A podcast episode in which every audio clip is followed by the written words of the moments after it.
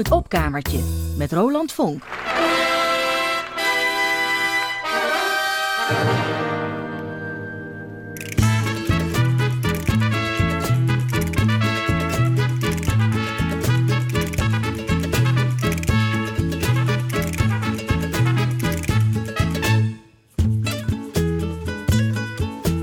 Wat is een tweepersoonskamer?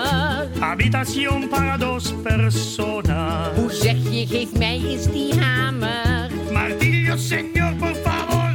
Gracias. Een fietspomp, een stopnaald, een wekker.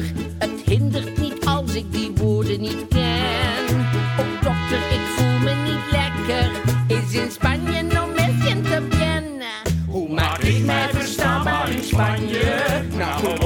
Dit broek in mijn zak. Een saffie is daar een tequilio. En een broodje is daar panicillo. Van Bilbao tot Malaga kan je terecht met het grootste gemak. Er is geen enkele zin in Jordaans. Of hij staat hier vertaald in het Spaans. Olé! Als ik die taal zo eens naga,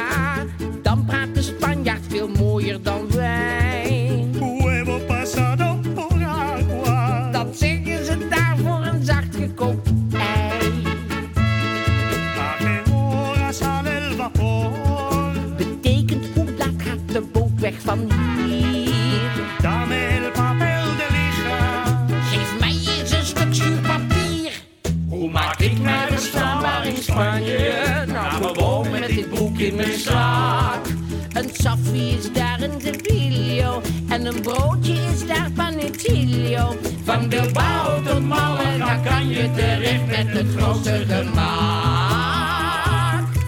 Er is geen enkele zin in Jordaans.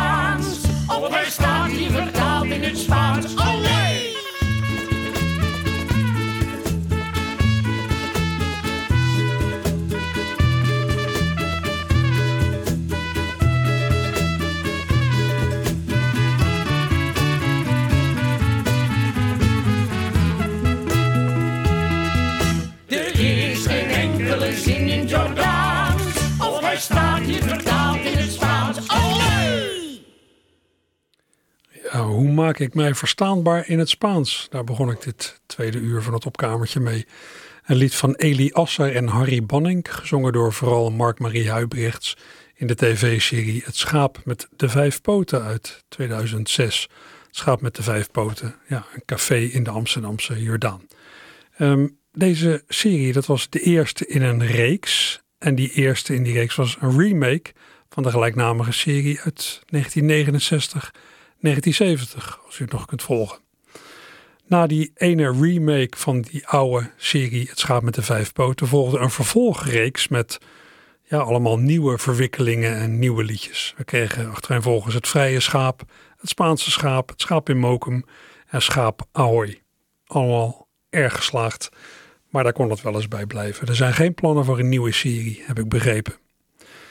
Maar waar het me vooral om ging bij het lied waarmee ik dit uur van het opkamertje begon, dat idee van een taal spreken aan de hand van een boekje met voorbeeldzinnen. Ja, je voelt natuurlijk aan, op die manier ga je geen gesprek voeren met een boekje erbij met voorbeeldzinnen. Want ja, je kunt pas een soepel gesprek voeren in een vreemde taal als je je die taal hebt eigen gemaakt. Als je niet meer bij elk woord hoeft na te denken en helemaal niet als je nog iets moet opzoeken, dan ben je te laat. Die vreemde taal moet als het ware automatisch gaan. En daar gaat het het komende half uur voor een belangrijk deel over. Over het, over het verschil tussen dingen automatisch doen en dingen doen waarbij je bewust moet nadenken. Laat ik wat voorbeelden geven om er een beetje in te komen. U heeft vermoedelijk, net als ik zelf wel eens meegemaakt, ja, dat u ergens naartoe rijdt met de auto of met de fiets. Dat u een route aflegt die u al heel vaak heeft afgelegd. Dat u onderweg in gedachten verzonken raakt en zich opeens realiseert: ben ik al hier? U hebt, zou je kunnen zeggen, op de automatische piloot gereden. Als je op de automatische piloot rijdt, dan kun je ook gerust tegelijkertijd nog iets anders doen. Bijvoorbeeld naar muziek luisteren in de auto, autorijden en muziek luisteren. Dat gaat prima samen, ja. Maar als je ergens komt waar je de weg niet weet met de auto, waar je moet zoeken. Nou, ik weet niet hoe het bij u gaat, maar bij mij moet ja, dan de muziek in de auto echt even af. Die kan ik er dan niet bij hebben. Dan stoort die muziek. Want dan rij ik niet meer automatisch. Nog een voorbeeldje, ook met muziek. Ik was dus jaren geleden bij een CD-presentatie in Amsterdam. Bij die gelegenheid zong Jacques Herp. Hij zong het onvermijdelijke Manuela. Live, begeleid door een combootje. Dat nummer zal Jacques zo vaak hebben gezongen dat hij, ja, dat hij er zijn hoofd nauwelijks meer bij nodig heeft. Hij zou het bij wijze van spreken ook met alleen zijn ruggenmerg kunnen brengen. Het is bijna een automatisme, het zingen van dat lied en die hele tekst. Maar hij maakte dit keer, bij dit optreden, maakte hij een heel rare fout. U kent dat lied, Manuela. Neem maar van me aan, het heeft drie coupletten. En het derde couplet eindigt na een bezongen auto-ongeluk met de onbestemde regel: De dokters vechten door, ze weten niet waarvoor. Alleen dit keer bij dit optreden was het verhaal van Jacques al na twee coupletten uit. Tot stomme verbazing van de zanger zelf. Hij had geen idee wat er gebeurd was. Waar was het misgegaan? Ja, ik wist het. Van een afstandje had ik gezien hoe hij halverwege het tweede couplet een bekende in het zaaltje van die presentatie had gezien, die bekende tijdens het zingen even had begroet en toen ongemerkt van het tweede in het derde couplet was gegleden. Het zingen van het lied was en is een automatisme voor Jacques. Maar doordat er iets onverwachts tussen kwam, schoot hij van het automatisme van het tweede couplet zo in het automatisme van het derde couplet. Op zich geen probleem. Hij heeft het hele derde couplet daarna alsnog gezongen. Met een frons op zijn gezicht, want hij had geen idee wat er gebeurd was. Maar stel nou dat het begaan van zo'n textuele misser een misdaad zou zijn. Iets waarvoor je gestraft kan worden. Zou je Jacques daar dan voor verantwoordelijk kunnen houden? Het uitgangspunt in het recht, het uitgangspunt met een wat duurder woord, het axioma in het recht, is dat mensen verantwoordelijk zijn voor hun gedrag, voor hun eigen daden. Dat is logisch. Dat kun je hier ook volhouden. Jacques is verantwoordelijk voor de missen die hij heeft begaan. Hij heeft iets nou fout gedaan. Ja, zult u misschien tegenwerpen, maar hij heeft niet bewust iets fout gedaan. Nee. Is dat dan voldoende om het hem niet aan te rekenen? Nou, als je zo gaat redeneren, kun je mensen heel veel gedrag niet aanrekenen, want heel veel gedrag gebeurt niet bewust. Nou, over precies dit soort vragen gaan we het hebben het komende half uur of zo. Of nou we. Daarover gaat de inmiddels overleden Willem Wagenaar het hebben. Willem Wagenaar bij leven hoogleraar psychologie en rechtspsychologie aan de Universiteit van Leiden en als getuigendeskundige opgetreden in meer dan duizend rechtszaken. Hij heeft veel zinnigs gezegd over psychologie in de rechtszaal. En veel van zijn inzichten kwamen in 2007 aan bod in een serie colleges over psychologie in de rechtszaal, die door Home Academy op CD zijn uitgebracht. Als een ja, luistercollege op serie CD's. Geweldige uitgave. Ik heb er alles wat van laten horen. Vandaag voor de laatste keer een blok uit die colleges. Een blok over uh, soorten gedrag van mensen. En over de vraag in hoeverre je mensen bepaald gedrag kunt aanrekenen. Wagenaar gebruikt hier en daar ja, een beetje vaktermen of althans minder alledaagse woorden. Zoals wat ik zelf net noemde, axioma in de betekenis van uitgangspunt. Even onthouden. En hij maakt zometeen met gebruikmaking van Engelse termen een onderverdeling van menselijk gedrag in drie categorieën, waarvan hij er feitelijk maar twee uitdiept. Je hebt, nou wat ik net aanstipte, automatisch, reflexmatig gedrag, een bekende route met de auto rijden, een taal spreken die je goed beheerst. Uh, ja, dat wordt wel genoemd skill-based gedrag. Gedrag dat is gebaseerd op een skill, een vaardigheid die je hebt eigen gemaakt en waarbij je dus niet meer hoeft na te denken. Daarnaast is er gedrag dat is gebaseerd op regels, rule-based gedrag. Dat mag u meteen weer vergeten. En ten derde is er gedrag dat is gebaseerd op kennis, knowledge-based behavior, gedrag. Gedrag waarbij je bewust nadenkt, zoals nou ja, kaart lezen in de auto of voorbeeldzinnen oplepelen uit een Spaans taalboekje. Dat zijn bewuste handelingen, die doe je niet automatisch. Nou, houd die twee dingen even in uw achterhoofd. Skill is vaardigheid, is automatisch. En aan de andere kant, knowledge is kennis, is bewust.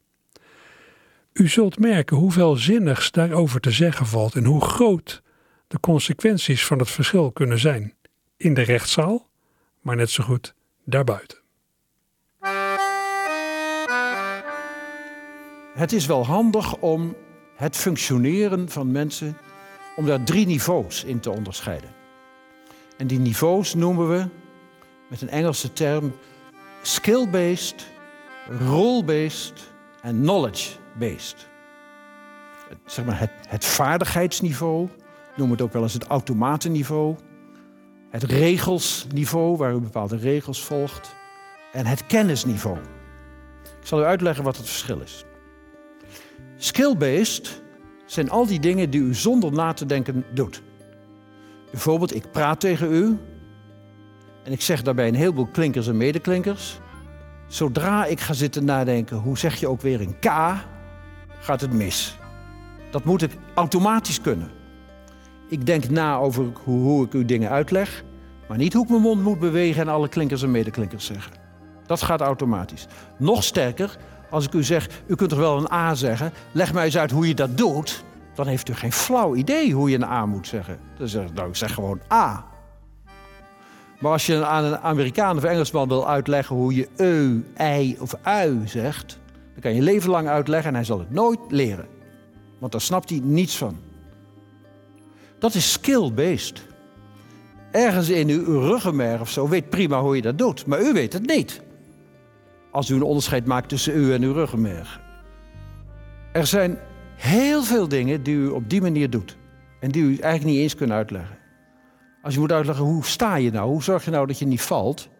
Dan denkt u misschien gewoon, nou het voetstukje van mijn voeten is groot genoeg om niet om te vallen. Dat is niet waar. U hebt uw spieren actief nodig om te blijven staan. Maar hoe het werkt is zeer ruimzinnig voor u. Ik herinner me nog hoe ik moest leren zwemmen. Dat de, de, de badmeester mij precies uitlegde aan de hengel wat de bewegingen van zwemmen zijn. En dat heeft niks te maken met leren zwemmen. Dan, ook als je die bewegingen kan maken als kind, je verzuipt gewoon. Tot je op een gegeven moment door hebt, oh zo werkt het, dan kan je het. Als je op dat moment badweester wordt, het niet aan een ander kind uitleggen. Die moet het ook ontdekken.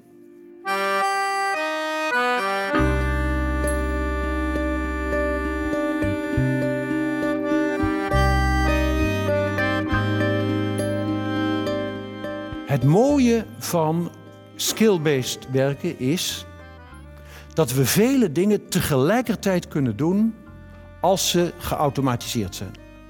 Ik sta, plaats Nederlandse woorden in, in, in de Nederlandse woordvolgorde en ik spreek de klinkers uit en ik beweeg nog met mijn handen ook. En ik hou intussen ook in de gaten om te zien of u het uh, wel snapt. En ik let nog op de tijd, want het moet niet langer dan 20 minuten duren.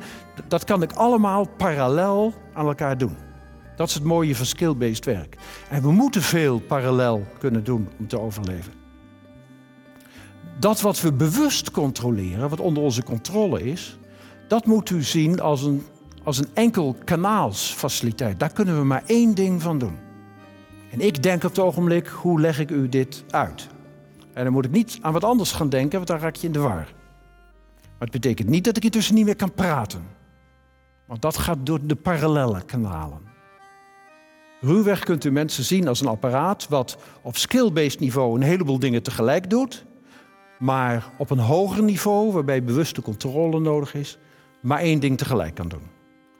Als ik auto rijd en u zit naast me, dan kunnen we op de snelweg best een interessant gesprek hebben.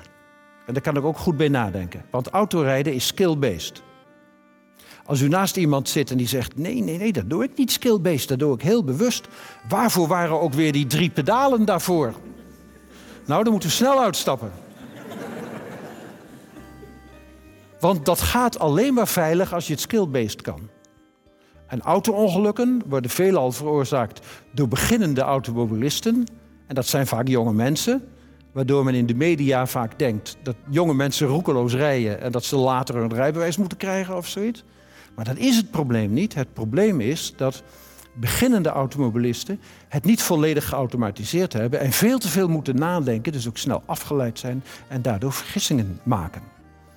Eh, gemiddeld moet een automobilist ongeveer twee jaar rijervaring hebben om over die hobbel van het risico heen te zijn. En wanneer u kinderen hebt die bezig zijn met leren autorijden, moeten ze dus zoveel mogelijk uw auto uitlenen, opdat ze zo snel mogelijk over die hobbel heen zijn. En wanneer u zelf dat kind bent, dan moet u uw ouders van overtuigen dat ze er belang bij hebben met u die auto zoveel mogelijk uit te lenen. Anders komt u daar nooit overheen. Maar we kunnen, als ik auto rijd, best een gesprek voeren. En als we, zoals ik gisteren moet doen, dan de Groningen in moeten... met een afschuwelijk sectorenmodel waar je niks meer kan vinden... dan moet u wel even uw mond houden. Want nou moet ik even nadenken. Want de weg zoeken is niet skill-based, is knowledge-based. Het nadeel van skill-based is dat een, een automaat, die wij niet controleren... De, de voortgang van het gedrag controleert. En die automaat heeft hele typische fouten. U kunt u voorstellen dat complexe stukken gedrag bestaan uit allemaal kleine hapjes. Bijvoorbeeld, u bent op uw werk, u bent met de auto, u gaat naar huis. Dat programma van je werk naar huis gaan is skill-based. Helemaal niet moeilijk. U weet best hoe u het huis gaat. U moet van uw kamer afgaan. U moet de kamer op slot doen. Dan moet u over de gang, dan moet u over de trap. Dan moet u naar de uitgang van het gebouw. Dan moet u onthouden waar uw auto stond.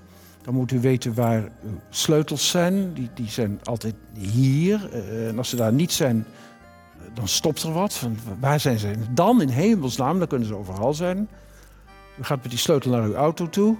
U weet precies hoe die sleutel erin moet en of je zo of zo moet draaien. Dat weet u misschien niet nu of je zo of zo moet draaien. Als de sleutel in het slot gaat, is die beweging, geeft u de informatie wat u nu moet doen. En zo krijgt u een sequentie van allemaal kleine stapjes in een groot schema, waarbij eigenlijk het voltooien van de ene stap meteen de stimulus is voor het beginnen van de volgende stap.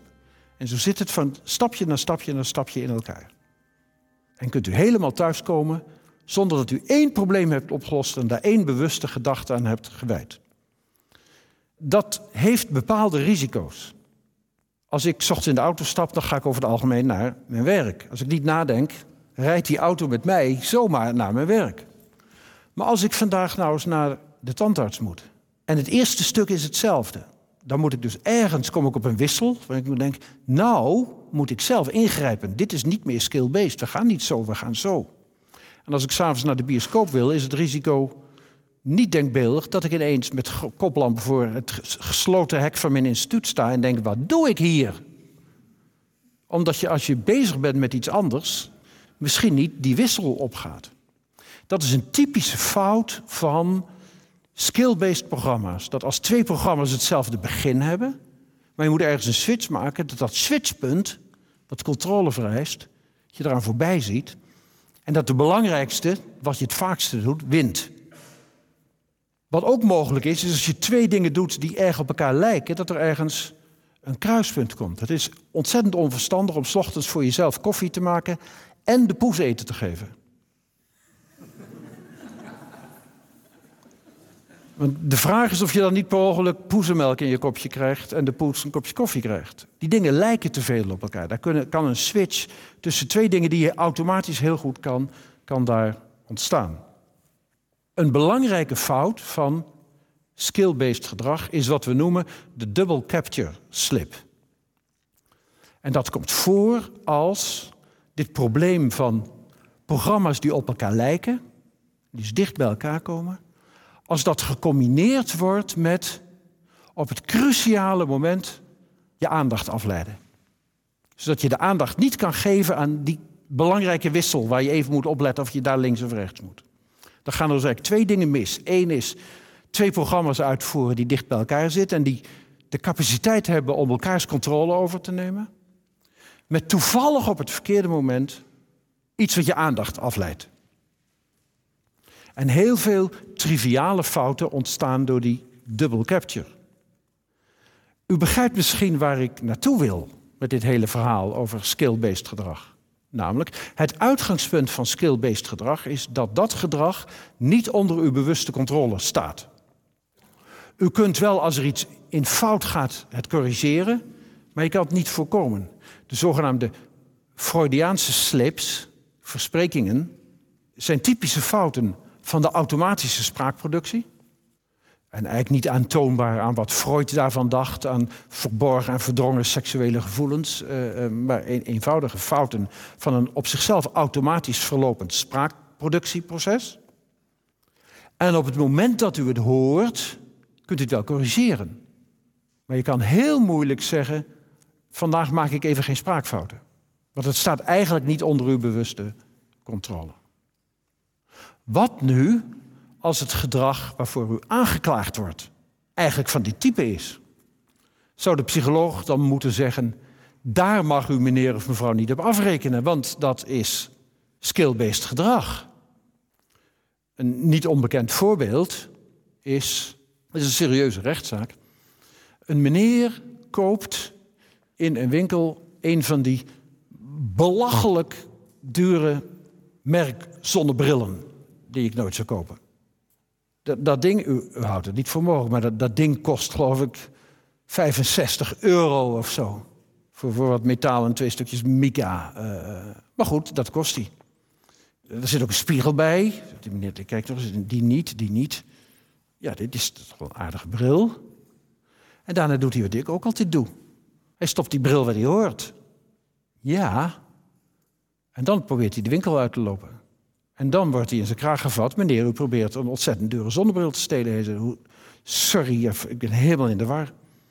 Ik heb gewoon gedaan wat ik altijd met mijn zonnebril doe. Een automatisch aflopend programma. Het kan best zijn dat hij het verzint, maar als hij dat nou is... Het is niet implausibel dat hij gewoon automatisch in gedachten die bril doet waar hij altijd moet. Ik heb hetzelfde probleem als je gaat winkelen met een boodschappentas en in de supermarkt ook een mandje hebt. Dan moet je eigenlijk die boodschappentas voor aan de winkel laten, want de dingen die je wil kopen moeten in het mandje, maar niet in de boodschappentas. Als die in de boodschappentas verdwijnen, kan je beschuldigd worden van diefstal. Maar, maar, uiteindelijk moeten ze wel in de boodschappentas, en dat doe je dus ook redelijk vaak. Daar kan, als je aandacht wordt afgeleid, een double capture slip ontstaan. Een redelijk bekende rechtszaak van een mevrouw die zo'n gigantische toren uh, sperziebonenblikjes of zo omver trapt in de winkel. En daarna zo'n de war is dat ze dus een blikje sperziebonen in de boodschappentas doet in plaats van een mandje. En daarvoor aangeklaagd wordt. Kan ze zo afgeleid zijn door wat ze gedaan heeft, dat daardoor er in haar automatisch gedrag iets verkeerd is gegaan? Dat is de vraag.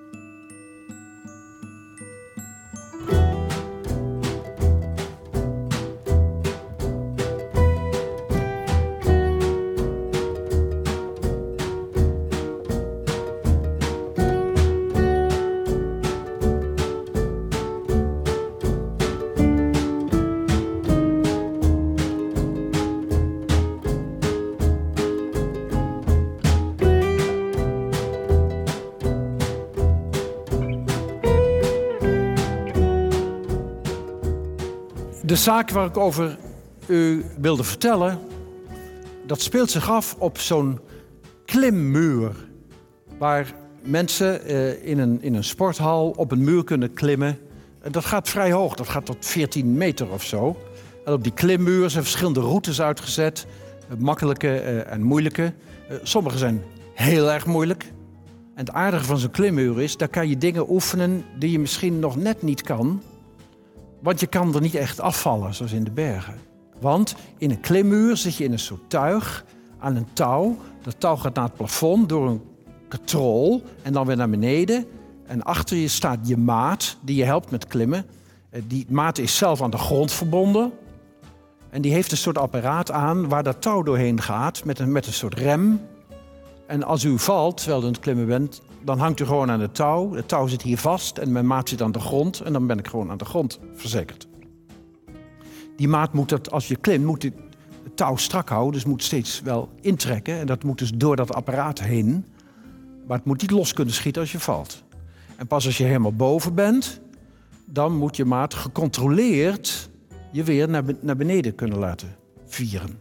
Maar niet losmaken, want ook op dat moment zou je kunnen vallen. En dan val je van 14 meter maak je nog steeds een ongelofelijke smak. Essentieel bij dat klimmen op de klimmuur is dus dat die maat precies weet hoe dat moet. Want juist door de aanwezigheid van die maat kan je dingen doen die, die je misschien net niet kan. Dat is niet zo erg, dat is juist de aardigheid van de sport. Mijn meneer, over wie de zaak gaat, is daar aan het klimmen met zijn maat. Zijn maat is aan het klimmen. En hij geeft de veiligheid. En naast hem staat een meisje die is aan het klimmen met haar vriend. Die vriend is, die is al naar boven geklommen. En die vriend wil nu naar beneden. En dat meisje weet kennelijk niet hoe ze dat touw weer moet laten vieren. En die zegt tegen hem, hoe, hoe doe je dit eigenlijk? En hij in zijn verslag zegt, ik zag haar handen. Die, die, die vriend hangt intussen aan dat touw. Die zit niet meer aan de muur, die hangt aan dat touw. Dat is niet de bedoeling eigenlijk, maar die hangt aan dat Dat is niet erg. Je kan hem wel vieren langzamerhand, maar die hangt aan het touw. Hij zegt, ik zie de hand van het meisje naar haar apparaat gaan. En wat ze wil doen is die, die rem die erop zit gewoon losmaken. En als ze dat doet, dan valt hij zo 14 meter naar beneden. Dus mijn vriend zegt, ho, nee, stop, ho, wacht even. En loopt naar haar toe en helpt haar met haar maat te vieren. En als die maat eindelijk beneden is, mijn vriend heeft er hartkloppen van. Nu mag die rem los. En hij maakt die rem los, maar deze, niet die van dat meisje. Op dat moment valt zijn vriend en valt en is dood. En hij wordt ervoor aangeklaagd. Dit is een contract. Hij belooft veiligheid te geven. Dat doet hij niet. Hij maakt de rem van zijn vriend los, als zijn vriend valt, er helemaal geen veiligheid is. Ja, die vriend rekent erop, die moet er ook op kunnen rekenen. Dus hij wordt aangeklaagd wegens dood door schuld. En ik moet zeggen, is daar ook voor veroordeeld. Maar nu is de vraag, waar is de criminele opzet? Wilde hij dat zijn vriend zou doodvallen? Of als je één stapje teruggaat, wat ze in het recht noemen voorwaardelijke opzet, heeft hij bewust gekozen voor gedrag waarvan hij wist dat het een zeker risico in had. En dat hij dus had, beter had kunnen vermijden. Zoals je kan zeggen, toen je dat deed, had je de risico's moeten ervaren en daar word je voor gestraft. Dat is ongeveer het model van waarvoor je gestraft wordt als je drinkt, dan gaat autorijden en iemand doodrijdt. Je hebt nooit iemand willen doodrijden en die persoon die je doodrijden ken je helemaal niet. Maar op het moment dat je begon te drinken en je realiseerde ik moet ook nog met de auto rijden, had je moeten begrijpen dit gaat niet goed. En het feit dat je door bent gaan drinken en ook in de auto bent gestapt, dat is dan de voorwaardelijke opzet. Je had het je moeten realiseren. En de voorwaardelijke opzet van mijn meneer is, hij had zich moeten realiseren dat toen hij die rem losmaakte, dat zijn vriend daarmee in gevaar kwam. Maar dat is een hele rare beschrijving van deze situatie. Hij maakte niet met een bewuste opzet zijn eigen rem los. Hij vertoonde een elementje uit een gedragsketen die volledig geautomatiseerd is. Want dat heb je bij topsporters. Topsporter bestaat vaak juist uit het eindeloos intrainen en verder intrainen en verder intrainen van gedragssequenties die geautomatiseerd moeten worden. En het risico als hij een zeer goede sporter is, en zij waren een zeer een topteam van klimmers, eh, die op het hoogste niveau klommen, dus dat duizenden uren gedaan hebben. Dat is dus skill-based gedrag wat hij daar vertoont. En wat hij op die avond vertoonde, was twee parallelle gedragingen die identiek zijn. Hij geeft zelf veiligheid aan zijn vriend en hij bemoeit zich met iemand anders die op exact dezelfde manier veiligheid geeft voor een klimmer. En ergens in die sequentie komt het moment dat die rem losmaakt. Maar hij heeft met twee identieke processen te maken. Dit lijkt nog meer op elkaar dan een kopje koffie voor jezelf maken en de poes melk geven. Dit zijn identieke dingen. Als dat daar een switch kan komen en het naar beneden laten van iemand met wie die niks te maken heeft, gevolgd wordt door het losmaken van de rem, wat hij altijd met zijn rechterhand doet en nooit anders. Altijd hier. Als dat reflexmatig volgt, dan maakt hij de verkeerde rem los. Dat is een capture slip. Het is een dubbel capture slip als op een of andere manier zijn aandacht is kwijtgeraakt. Waardoor is zijn aandacht kwijtgeraakt? Nou, mogelijk juist door dat moment van.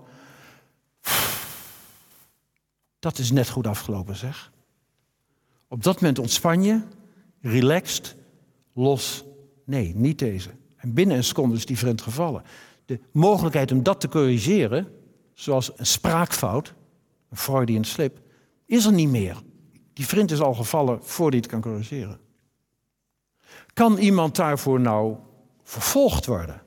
Voor dat soort niet-intentionele gedragingen.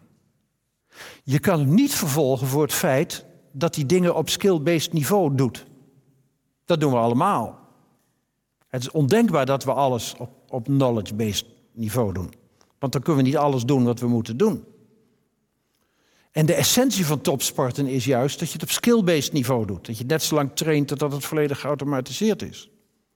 Als u op het circuit van Zandvoort rijdt en iemand botst tegen u op, zegt u dan ook, uh, u moet altijd rijden zodat u uw voertuig nog op veilige manier tot stilstand kan brengen? Of geldt dat daar niet meer? Is iedereen die op het circuit van Zandvoort gaat rijden, moet hij er rekening mee houden dat hij zich heeft overgegeven aan de reflexen van andere autocoureurs?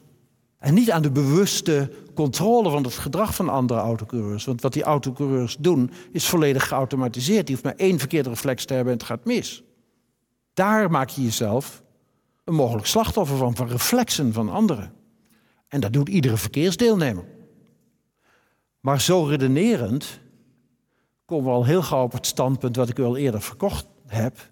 Vrijwel iedere psycholoog zou tegen de rechter moeten zeggen: op grond van mijn wetenschap kan ik eigenlijk maar in zeer zeldzame gevallen aan u vertellen dat mensen bewust hebben gekozen voor wat ze doen en er dus verantwoordelijk voor zijn.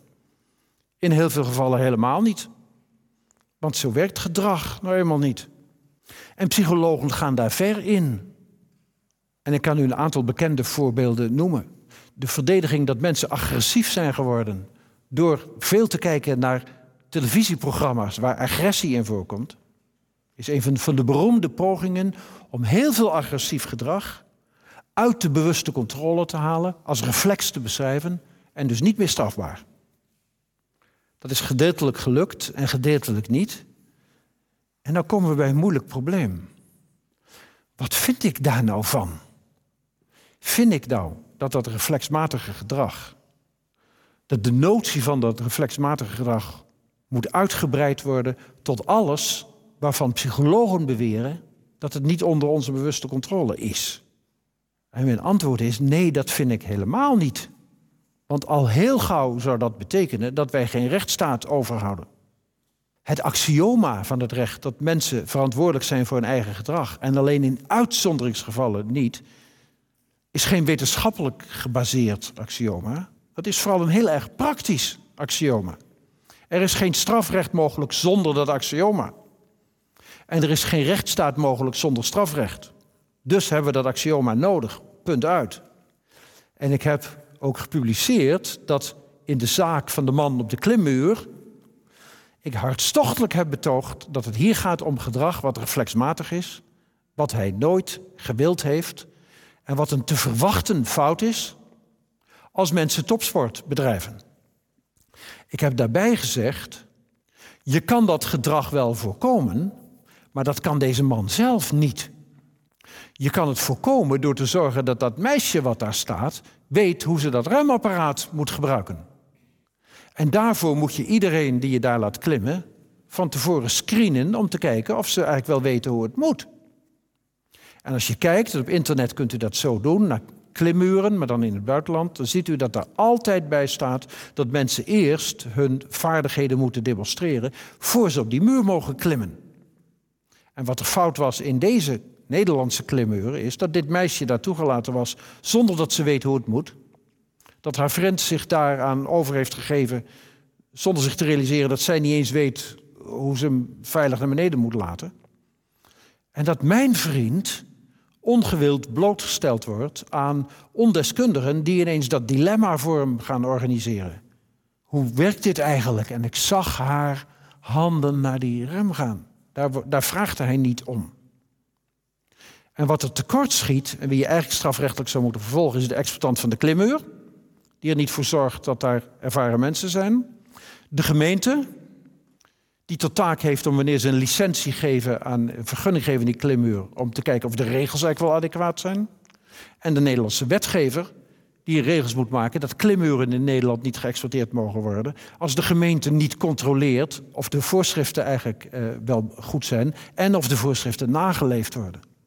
Daar zou het strafrechtelijke circuit zich met effect op kunnen richten. En niet op mijn meneer. Dat is wat ik betoogd heb. Maar als je mij vraagt, en moeten we mensen die beloven dat ze veiligheid bieden en daarna weglopen, hè, moeten zeggen: ja, oké, dat was uh, skill-based behavior. Nee, dat denk ik niet.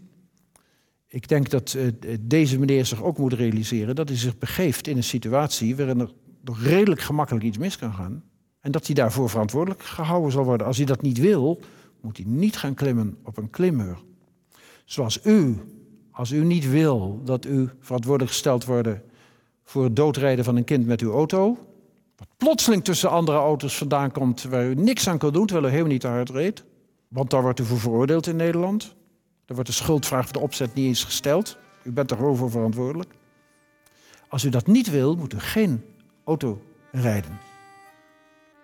De leer van de psychologen over automatisch verlopend en dus niet controleerbaar gedrag is strijdig met het axioma van de rechter dat u in principe verantwoordelijk bent voor al uw gedrag, ongeacht wat psychologen daarvan zeggen.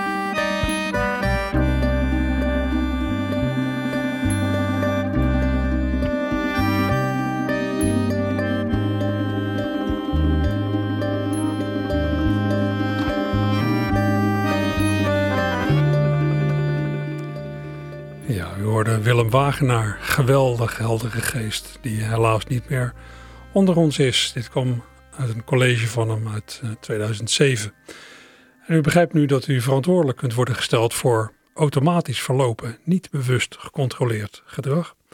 Gedrag waarvan je ja, denkt dat het moeilijk te voorkomen is. Of nou ja, hoe kun je het toch voorkomen? Door bepaalde situaties te mijden, of misschien wel door bepaalde personen te mijden personen aan wie moeilijkheden kleven. Dat u bij het aanbellen van sommige mensen denkt: Nou, ik doe even of ik er niet ben hoor. Ik doe niet open. Gisteren stond je nog voor mijn deur. Met je ongewassen haren, maar ik doe niet open. Moet ik natuurlijk weer luisteren naar die onsamenhangende bedenksels uit jouw zieke brein? Kilometers kaas Kolommen vol bedachte rotzooi uit die rampzalige pleurenspel van jou. Omdat je waarschijnlijk je huis weer eens niet inkomt. En is dat mijn probleem? Als jij klem komt te zitten is het eerste wat je doet. Met je grijpgrage kleverige tentakels je omgeving afstropen.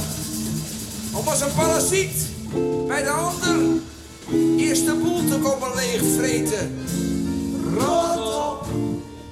Ik had het niet beter kunnen zeggen. Ga weg, ik doe niet open. Rot op. Want van jou krijg ik vlekken in mijn nek.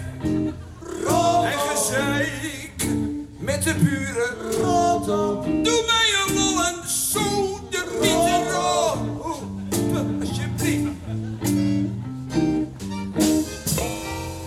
vervolgens je sores te debiteren. De restanten uit de flessen te likken als het even kan. Uitgebreid kamer 100 vol te baggeren. Met de restanten uit jouw verziekte darmflora. Waarna ondergetekende weer dagen met de gebakken peren zit en hoe jij het voor elkaar krijgt. Na één bezoek van jou spat niet alleen het porselein van de visbak, maar rukt ook stevast de milieupolitie uit. Omdat er sprake is van alarmfase 1 in de kinderboerderij. Oké. Even de, de maat houden, jongens. Ik doe niet open. Van jou vlekken in mijn nek en gezeik met de buren. Rira, Rosso, sisa, sodemiet erop. Ik doe niet open, lekker niet, lekker put. Ga maar lekker wat anders doen. Een half uurtje studeren op je accordeon. Ah,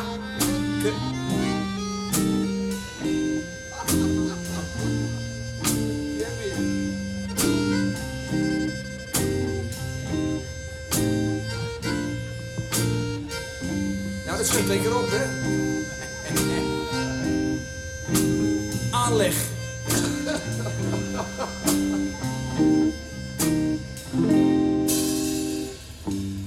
Ga naar een instantie of een instelling.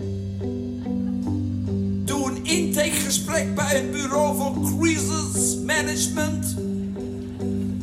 Stel de hulpvraag en ga als een raket in een praatgroep met lotgenoten.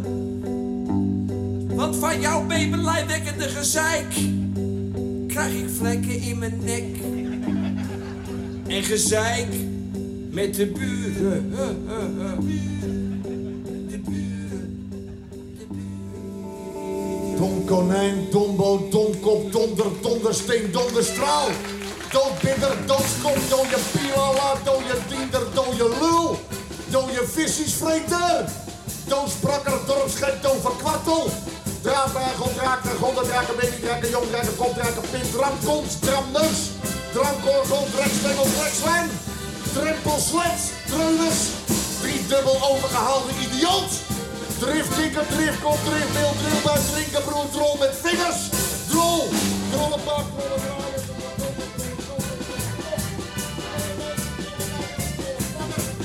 Drollenwasser, drollendieper, dronkenlap, dronkenlor. Droogkloot, droognaaier, droogmelker, droogbruin. Droogstoppel, droppie, druifneus, druif. Druiveloor, druivelot, duiven, draaien, duiten, die duivel, duivendeuker. Dweil. Eend. Eendvogel. Eerste gevolg van genetische manipulatie. Ei. Eienkop, eigeheimer, eihoofd, eikelbijter. Eikelgezicht. Eikelientje, eikelin, eikelkluiver, eikelmina. Ellendeling. Embryo. Emmer. Engert. Etter. En de bal, en de bak, en de bal, en de muil, en de bult, en de kop, en de letter. En de leier, en de nek, en de buis, en de straal, en de zak. Eucalypto. Vallende rappers, fariseeën, fakesfield, fietsenrek. Fietsenstalling. Flapdrol, flapoor, flappie, flapo, fletslet. Fletsloel. Flessentrekker. Flikvlooier, flikker. Fluim, fokstier, Frankenstein, frikatel. Fuckbeer, fucklul, fuckmajor, fuckbrukker. Gaafstegel, gaaien, schalbak, galem, ganaf, gans, gansje, gapen, garapeen, garnaal.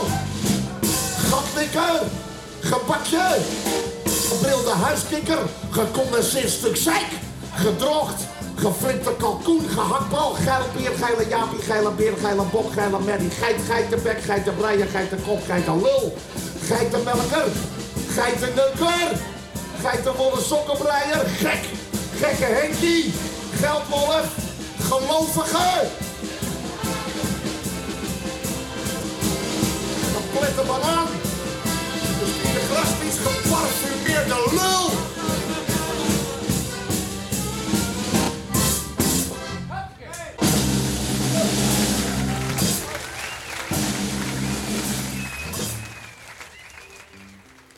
Nou, een mooie verzameling scheldwoorden uit de mond van Maarten van Roosendaal. Maarten van Roosendaal, te vroeg over, overleden. Dit was hij samen met Bob Fosco, die hiervoor de hele verhandeling hield over dat hij niet open deed. En Pierre van Dijl. Gedrieën hebben ze in eh, 2006 een programma op het Reizende Theaterfestival. De Parade gespeeld, daar is een eh, cd'tje van verschenen. En daar eh, draai ik dit van. Het mooie van zo'n opsomming van allemaal van die scheldwoorden is dat in zo'n tirade, in de context van zo'n tirade, alles een scheldwoord kan worden. Ik bedoel, wanneer wordt iemand nou uitgescholden voor, voor dreumes, of voor eend, of voor ei, of garnaal? Nou, dat laatste misschien nog een beetje, maar voor de rest is het aardig om te zien dat in zo'n context, wat ik al zei, alles een scheldwoord kan eh, worden. Eh, en dan bewust of onbewust gebruikt. Ja, dat hele verhaal van Willem Wagenaar, dat lijkt me wel iets om nog eens op eh, te herkouwen. Als u het nog eens, eh, nog terug wilt horen, wat ik me best kan voorstellen, dan moet u gewoon eventjes de podcast van dit programma opzoeken. Die vindt u op de site van Rijnmond. U kunt zich er ook op abonneren en dan krijgt u het automatisch steeds binnen. Dan kunt u het zo vaak terugluisteren als u wilt en ook bewaren. Nou, ik heb weer een hoop overhoop gehaald voor twee uur opkamertje. Ik ga de boel opruimen. Volgende week verder. En veel plezier zometeen met de sport. Joep.